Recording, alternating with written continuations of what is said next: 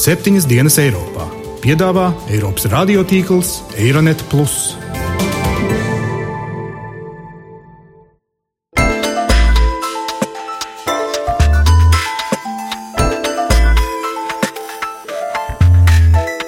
Šonadēļ septiņas dienas Eiropā dzirdēsim. Šis ir lielākais šāda veida ebola uzliesmojums pasaulē. Cilvēks nav infikcijos līdz tam brīdim, kamēr neparādās simptomi.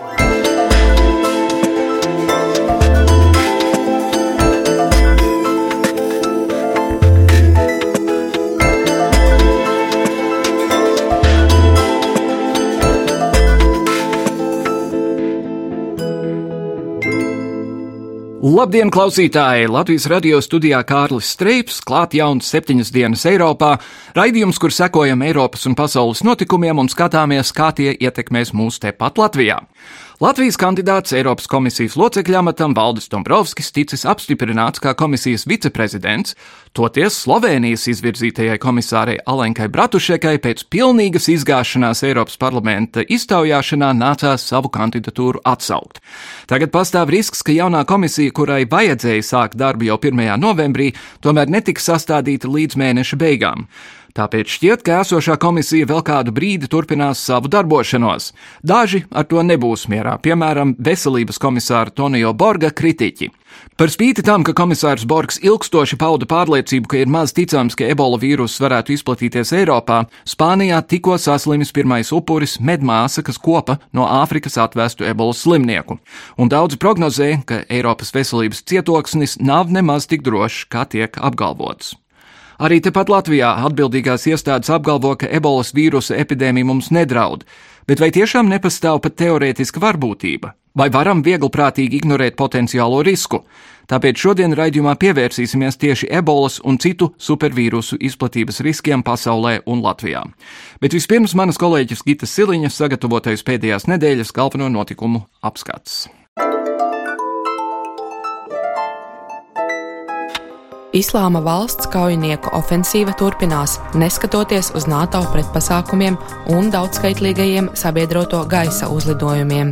Turcijas prezidents Reģeps Taips Erdogans brīdināja, ka Sīrijas pierobežas pilsētas Kobanes krišana ir vairs tikai laika jautājums, ja pret džihādistiem neuzsāks arī sauszemes operāciju.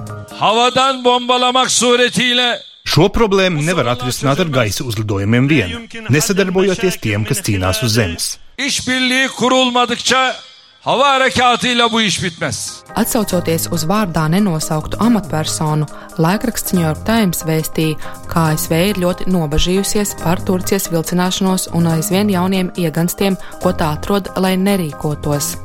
Turcijas ārlietu ministrs Mevluts Čavašoglu skaidroja, ka gaidīt, ka šo sauszemes operāciju pret Islāma valsti Sīrijā vadīs Turcija viena, ir nereāli. Pirms liela mēroga iesaistīšanās Turcija ir aicinājusi vispirms ieviest drošības garantijas no rietumvalstīm, tostarp NATO noteiktu lidošanas lieguma zonu. Turcija atsaucās uz jaunā NATO ģenerālsekretāra Jana Stoltenberga pirmajā vizītē pēc stāšanās amatā sacītā, ka NATO nodrošinās alianses 5. paragrāfa izpildi, ja kaujinieki turpinās tuvoties Turcijas robežai. NATO Galvenais NATO pienākums ir aizsargāt visas sabiedrotās valstis.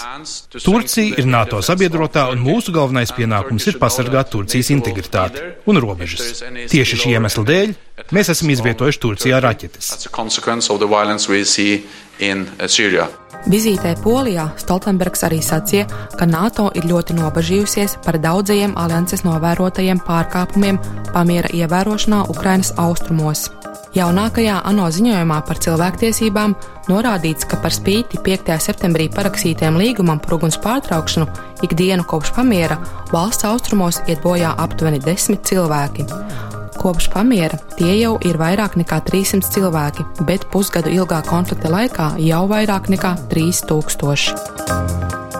Ziņu aģentūra Bloomberg paziņoja, ka bez sekām Krievijas un Rietumvalstu nesaskaņas nav palikušas arī Krievijas prezidenta Vladimira Putina pietuvināto cilvēku lokā. Krievijas Zinātņu akadēmijas socioloģe Olga Kristānovska uzskata, ka valsts korporācijas un elite ir sākušas uzbrukumu privātajam sektoram, jo trūkst resursu.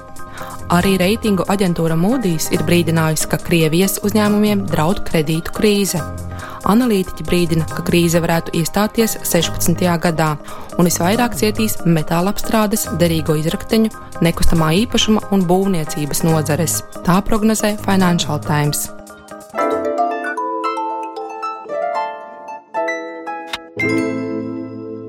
Lielākais līdz šim novērotais ebolas vīrusu uzliesmojums turpinās Gvinējā, Liberijā un Sierra Leonē. Tur kopš marta inficējušies jau aptuveni 7200 cilvēki. Salīdzinoši nelieli uzliesmojumi reģistrēti arī Nigērijā, Kongo un Senegālā. Pirmais Eiropā diagnosticētais ebolas vīrusa slimības gadījums Spānijā ir medmāsa, kas aprūpēja septembrī mirušo spāņu pacientu, kas ieradās no Āfrikas hospitalizēta vēl viena medmāsa, kas arī iespējams inficējusies. Savukārt Amerikā pirmais cilvēks, kuru ar ebola vīrusu diagnosticēja pēc tam, kad viņš atgriezās no Liberijas, viņš aizvakar nomira.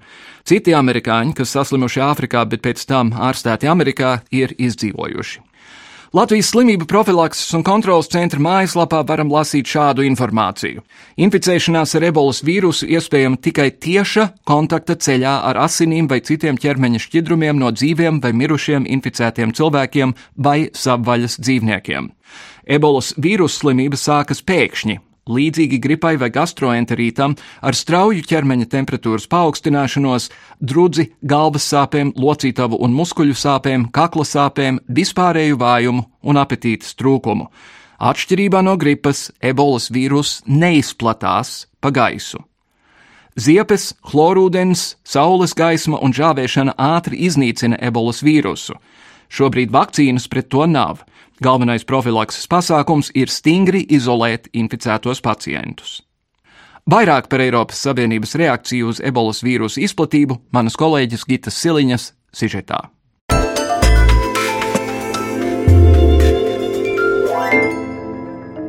Kādā no savām uzstāšanās reizēm Eiropas Savienības veselības komisārs Tonio Borgs akcentēja, ka ebola vīrusa izplatības risks Eiropā ir ārkārtīgi zems.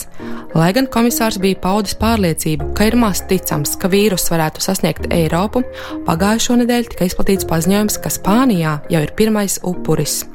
Mēdī ziņoja, ka Spānijas slimnīcā, kurā miruši divi Āfrikā ar ebola vīrusu inficējušies cilvēki, ar nāvējošo vīrusu saslimusi medmāsa. Tāpat Spānijas tiesa bija izdevusi rīkojumu iemedzināt ar ebola vīrusa inficētās medmāsas suni, jo pastāv iespēja, ka dzīvnieki var pārnēsāt šo nāvējošo slimību. Eiropā visvairāk apdraudēti ir tie cilvēki, kuri aprūpē ebola vīrusa pacientus, kā arī aprūpētāju tuvinieki. Lai gan tiek norādīts, ka šādi gadījumi būs, vienlaikus tiek atgādināts, ka Rietuma Eiropa ir visspēcīgāk aprīkotā pasaules daļa, lai spētu cīnīties ar vīrusa tālāku izplatību. Vēl septembra sākumā diskusijā ar Eiropas parlamenta vīdes un sabiedrības veselības komitejas deputātiem Tonija Borgs sacīja, ka Eiropas Savienībai ir jābūt gatavai palīdzēt. Eiropas Savienībai ir morāls pienākums palīdzēt valstīm, kuras ir skāris ebola uzliesmojums. Jo aktīvāk mēs centīsimies to apturēt, jo lielākas būs izredzes, ka slimība nesasniegs Eiropu. Risks, ka slimība varētu izplatīties Eiropā, saglabājas zems. Nevertheless, we need to remain alert. Diskusijas dalībnieki piekrita, ka jāsniedz lielāks atbalsts epidēmijas skartajām valstīm, taču bažījās par budžeta ierobežojumiem. Tika norādīts, ka Eiropas Savienība ir sagatavojusies, tomēr nedrīkst zaudēt modrību. Par to, ka nepieciešams palīdzēt vīrusu skartajām valstīm Āfrikā, norādīja arī parlamenta deputāts Pīters Līse, jo pretējā gadījumā, kā viņš sacīja, mūs sagaida nopietna katastrofa.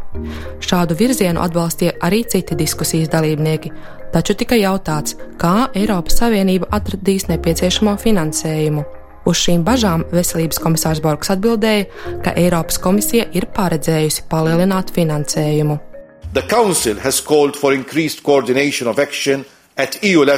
Humanējai palīdzībai tiks novirzīta daļa no attīstības fonda līdzekļiem. Kopš 2014. gada marta cīņai ar epidēmiju Eiropas Savienība ir piešķīrusi 11,9 miljonus eiro. Komisija ir norīkojusi arī ekspertus un nodrošinājusi aprīkojumu and health and external affairs. Diskusijā tika akcentēts arī, ka nepieciešams atbalstīt pētījumus bez komerciāla izdevīguma. Pašlaik Oksfordas Universitātē tiek strādāts pie vakcīnas pret vīrusu. Deputāte Katrīna Bērdere norādīja, ka tikai pateicoties Eiropas Savienības finansējumam bija iespējams veikt šos pētījumus. Tāpat Tonio Borgs vērtēja, ka lidojumu aizliegums varētu tikai pasliktināt situāciju, jo tas apgrūtinātu humanās palīdzības un ekspertu nogādāšanu vīrusu skartajā teritorijā. Mums jāizolē slimība, nevis valstis. Kopīgā paziņojumā Eiropas attīstības komisārs Andris Piebalgs norādīja, ka ir apspriests, kā koordinēt turpmākos pasākumus, lai veiktu epidēmijas apkarošanu Eiropas mērogā. We have pledged around 150 million euro Esam galvojuši par 150 miljonu eiro, lai sniegtu tūlītēju un ilgtermiņu palīdzību. Un tā ir mana spēcīga cerība un ticība, ka mēs šodien varam vienoties par vairākiem konkrētiem priekšlikumiem, piemēram, transporta, laukslimnīcām, ārstiem un medicīnas iekārtām. To darot, mēs param soli tuvāk, lai apkarotu šo briesmīgo epidēmiju.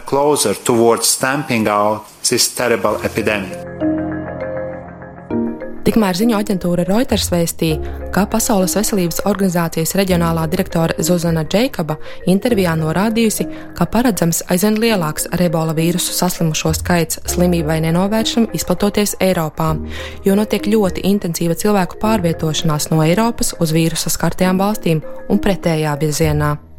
Vienlaikus Džekaba norādīja, ka šī pasaules daļa ir labi sagatavota slimības kontrolei. Pasaules veselības organizācijas pārstāvniecības Latvijā vadītāja Aiga Rūrāne mūsu raidījumam atzina, ka situācija ir ārkārtīgi nopietna, taču tiek kontrolēta.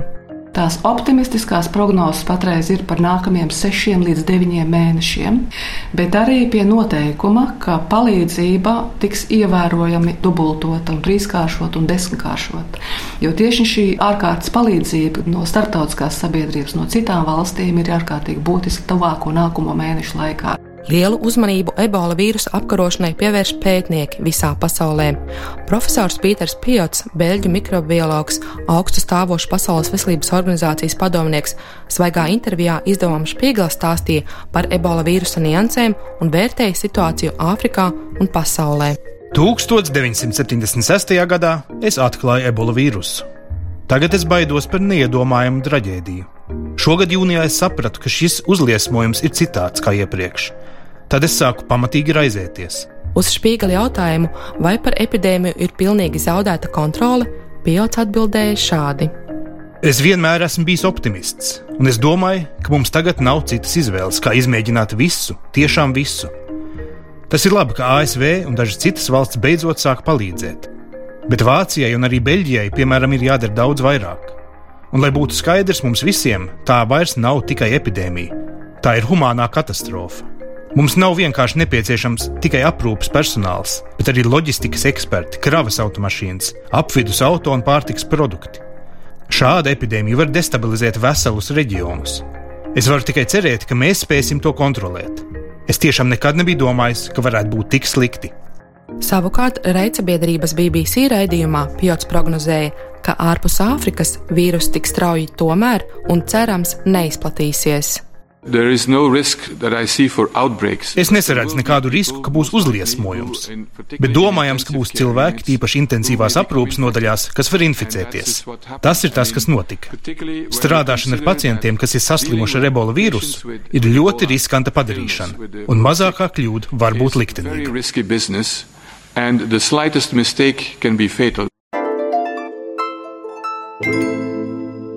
Lai noskaidrotu vairāk par to, kā ebolas vīruss varēja iekļūt Eiropas cietoksnī un to, kāda ir Eiropas Savienības, Pasaules veselības organizācijas un vietējo iestāžu gatavības pakāpe šai un citu epidēmiju izplatībai, studijā esam aicinājuši slimību profilakses un kontrolas centra infekcijas slimību riska analīzes departamenta direktoru Juriju Perevoščikovu. Labdien! Labdien! Es gribētu sākt ar vienu ļoti konkrētu jautājumu, proti, Amerikā ir ziņots, ka divi cilvēki, kuri saslima ar šo ebolas vīrusu, viņus ārstēja ar vienu konkrētu medikamentu. Es neatceros, kā to sauc, Z kaut kas.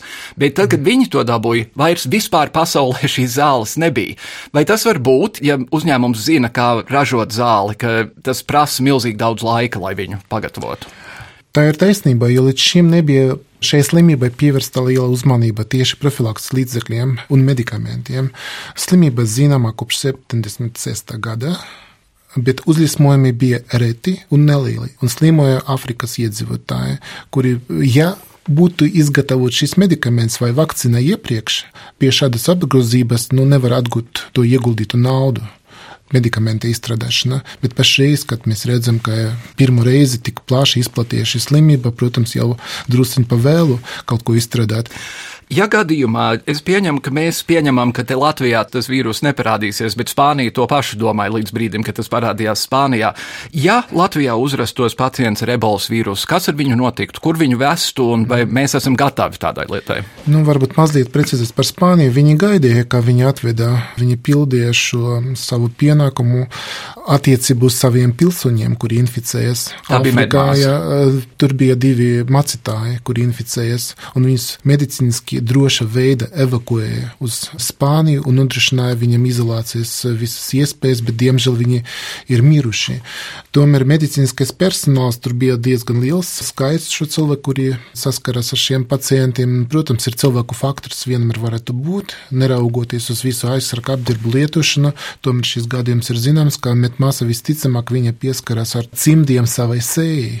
Un tas dažreiz var būt pietiekami, lai inficētu. Tas jau cimdiem ir cilvēka organisma šķidrums, kāds, ko var dabūt aprūpes laikā. Un tas ir pirmais gadījums, kad cilvēks inficējies ar šo slimību ārpus Afrikas, ārpus tās zonas, kur principā ir slimības areāls. Mhm. Uzskata, ka jā, ir iespējamība, ka uz Latviju, uz citām Eiropas valstīm varētu būt ievestie gadījumi.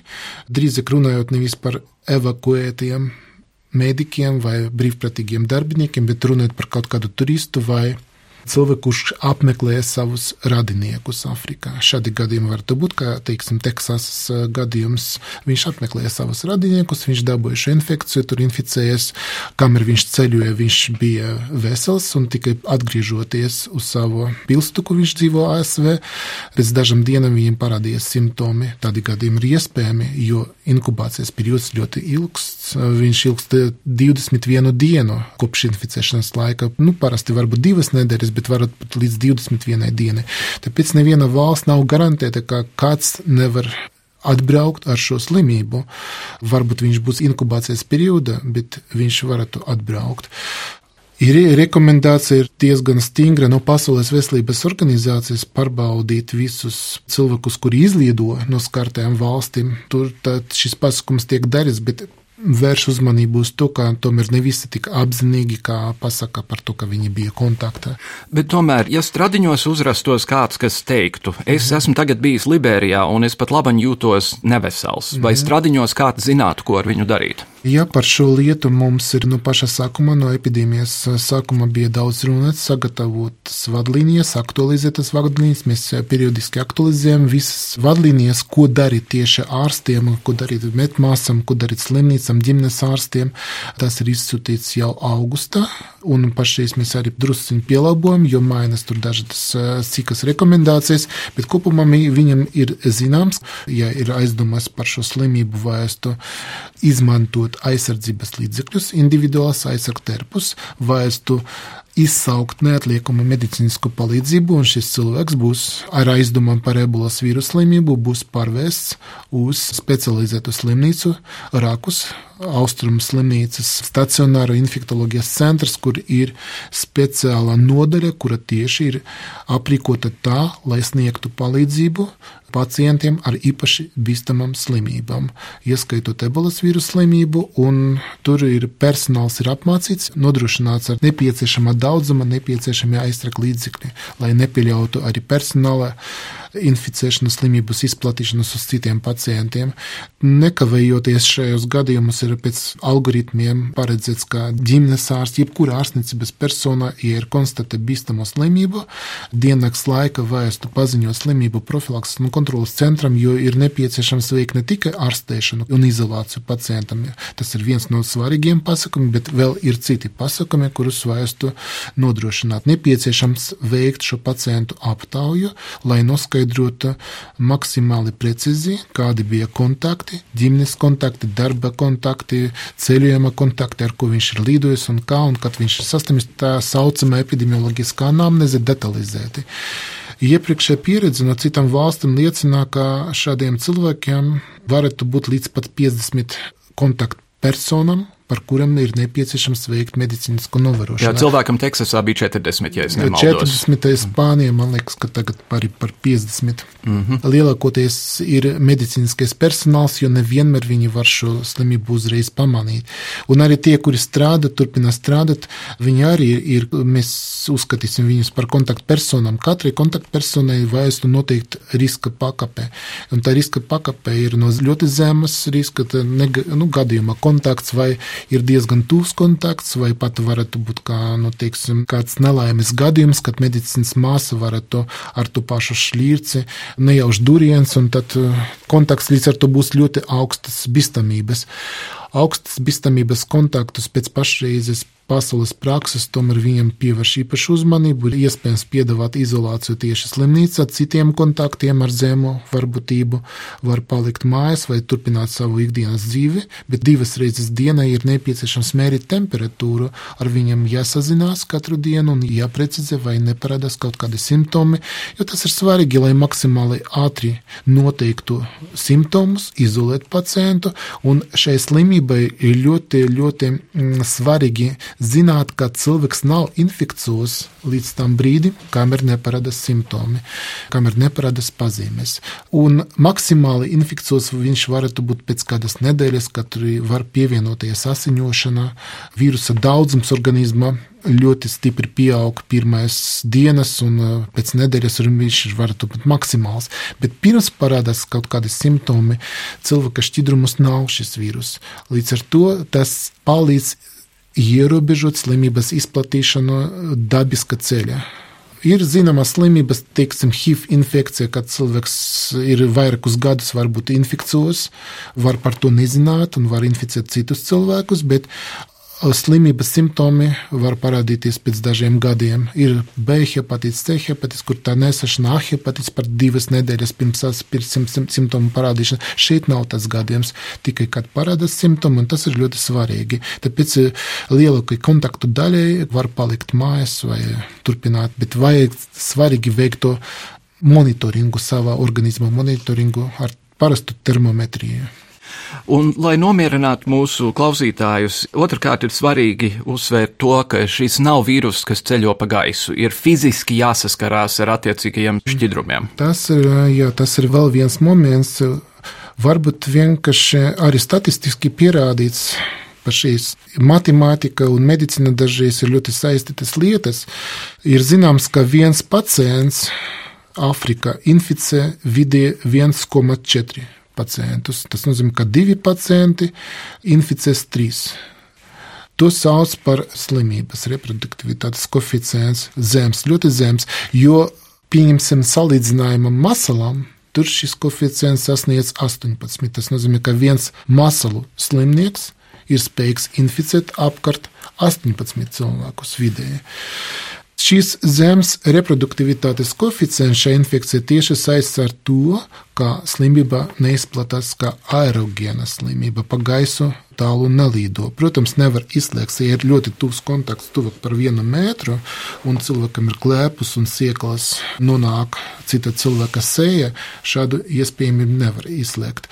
Bet parasti slimība tomēr nelido un neizplatās pa gaisu. Nevar inficēties pieskaroties sabiedriskajās vietas kaut kādiem priekšmetiem, uz sausiem priekšmetiem, kuri nav aptraipīti ar cilvēka šķidrumiem, šis vīrus nesaglabājas ilgi. Tādi gadījumi nav aprakstīti. Ļoti daudz gadījumu reģistrēti, bet visiem šiem gadiem ir tūvs kontakts. Aptaujot pacientu, jebkuru pacientu var konstatēt, ka viņš bija vai aprūpējis citu slimnieku, sava ģimene. Viņš bija medicīnas darbinieks, kurš arī veica šo aprūpi un tieši, tieši kontaktējies ar pacientiem. Neizplatās slimība ar pārtikas produktiem. Nerunājot, protams, par sikspārniem, kuri ir infekcijas avots, bet termiski arī apstrādāta gaļa nav bīstama, bet tomēr tur var būt tā bīstamība, kamēr mednieks to svaigu gaļu grib sadalīt un sagatavot turpmākajai apstrādē. Tur šis ir sikspārņus. Sikspārņus ēt un pārdot tirgus šajās valstīs pašreiz ir aizliegums uz to tirgušanu. Tas sākotnējais avots, arī citi dzīvnieki varētu būt inficēti. neizplatās slimībā ar kaut kādiem ražošanas precēm. Mēs -hmm. nevaram veikalos, tā teiksim, inficēties, un arī kukaiņi neizplatās šo slimību odi vai kādi citi tur. Jā, kā tas ir malārija, piemēram. Jā. Bet tajā pašā laikā, ja to dara sikspārņi, kuri, protams, nerespektē valstu robežas, mums pat labi no Latvijas ir viens kontingents zaldātu Centrālā Afrikas Republikā, kura nav nekur tuvu pie Ginejas mm. un Liberijas, bet tomēr. Vai viņam līdz ar to ir paaugstināts risks iespējams?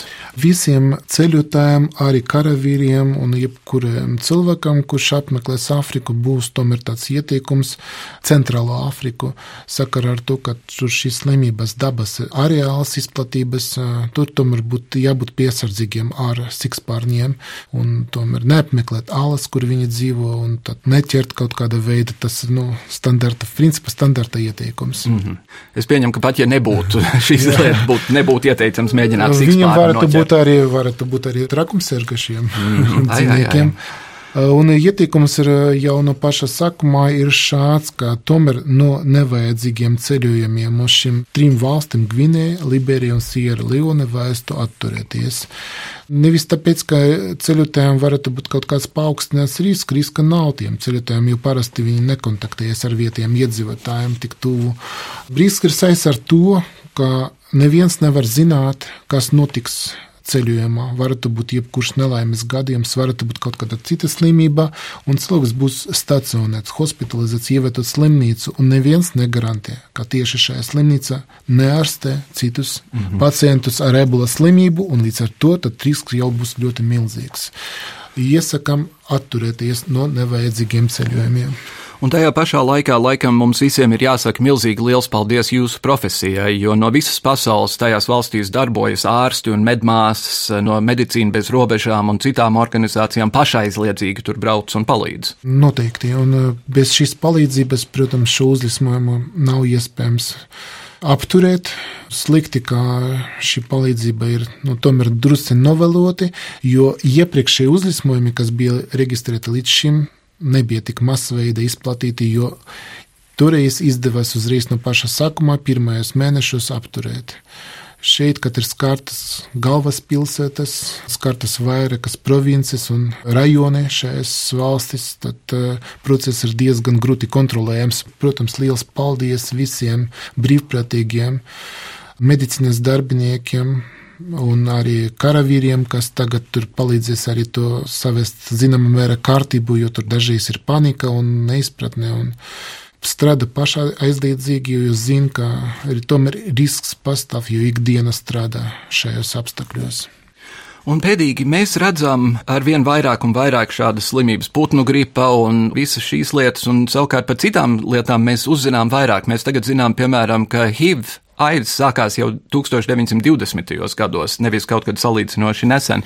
Cik ir ticams, ka kaut kādā brīdī arī Latvijā varētu parādīties kaut kāda infekcioza slimība, par kuru būtu pienācīgi jādomā? Nu, es domāju, ka tomēr, ja mēs vēsturiski salīdzināsim ar iepriekšējiem desmit gadiem, simts gadiem atpakaļ, tomēr šīs infekcijas slimības krietni samazinājušies pasaulē, jo nav tik eh, liela mēra holēras uzlismojumi, mēra uzlismojumi, kur bija patiešām navējoši. Gan arī kā bakas, trešie, jo daudz kas izdarīts ar vakcīnām. Un tāpēc pie relatīvi mierīgas situācijas, ka izskatās, ka nu, nu, neslimojam tik bieži. Jebkurš šis uzlismojums, protams, pievērš īpašu uzmanību. Un galvenais šeit nu, nevajag principā salīdzināt, kā no ceļu satiksmes negadījuma varbūt mirst daudz vairāk vai vēl kaut kas, jo šie, šie gadījumi pārsvarā ar infekcijas slimībām ir labi novēršami pēc būtības. Pēc būtības viņus var novērst. No šiem nāves gadījumiem var principā viegli novērst un nepieļaut.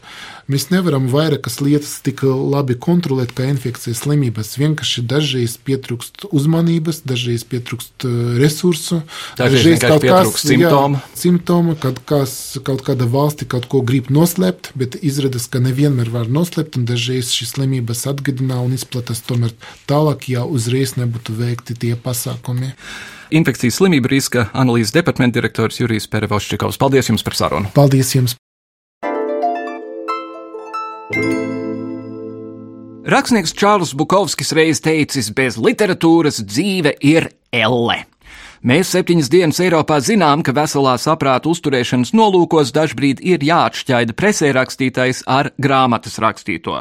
Tāpēc sveicam visus burta kalpus un burta kungus, it īpaši vienu, kas dzīvo tepat Latvijā. Pagājušo nedēļu Frankfurtas grāmatu gadu tirgū Eiropas Savienības literatūras balvu saņēmis Jānis Joņevs par grāmatu Jēlgava 94. Šo notikumu komentēt aicinājām komunikācijas zinātnes doktoru Mārtiņu Kaprānu. Notikums, protams, ir ļoti fantastisks, ka latviešu autors un turklāt par ļoti mūsdienīgu tēmu ir novērtēts. Un, Tā ir grāmata par paudzi konkrēti, un man gribētos teikt, ka nebaidīties un vilkt paralēlus, ka šī grāmata ir tāpat kā bija slavenais dzējolis, nezinu, poēma, Alana Ginsberga bitņiku tāds himna saucās Kliedziens. Tāpat tās arī Jāņa Joņeva grāmata Jālgaudienas četri paudzes kliedziens. Lai arī postfaktum var būt tajā ziņā, ka tā paudze jau ir izaugusi no tā vecuma, par kuru viņš raksta, un retrospektīvi viņš tā kā atskatās, bet joprojām ir kliedziens ar pēcgaršu, ar sekām, un tās sekas izrādās uzrunā ne tikai Latviju un Latvijas autori, un acīm redzot, ja 90. gados dzimusī Es domāju, dzimusī nevis fiziskā ziņā, bet tādā sociālā ziņā un kultūrālā ziņā dzimusī paudze Un tās paudzes kliedziens ir aktuāls nevis tikai šeit, uz vietas, vai varbūt postsociālistiskajā telpā, bet acīm redzot, tur ir tādi pieturas un pieskaras punkti, kas uzrunā krietni lielāku lasītāju grupu, kas ir tā ir starptautisks skanējums šai grāmatai. Un, protams, tur būs izaicinājumi, tad, kad viņi tiks tulkoti, jo tur ir ļoti daudz specifisku, ar Latviju saistītu lietu, ar Jēlgavu saistītu lietu. Bet es esmu pārliecināts, ja viņu veiksmīgi pārtulko, un ja viņu varbūt autors pats piekrīt kaut kā arī nedaudz pakoreģēt kaut kādas lietas, ka to jēlgavu var radīt kā tādu ļoti jaudīgu metaforu 90. gadiem. Kā viņš pats kaut kur ir teicis, ka 90. gadi tagad ir ļoti pieprasīta lieta. Modē 90. gadi ir.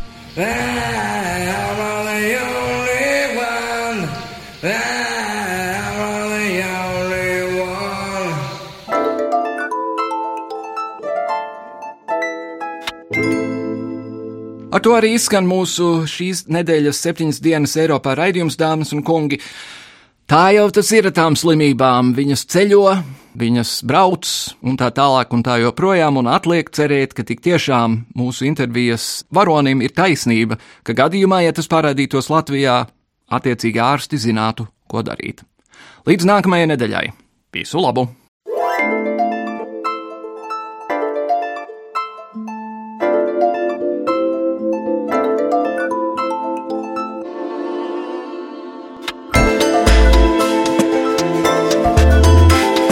Raidījumu veido Kārlis Streips, Gita Siliņa un Jānis Krops. Producents Lukas Rozītis.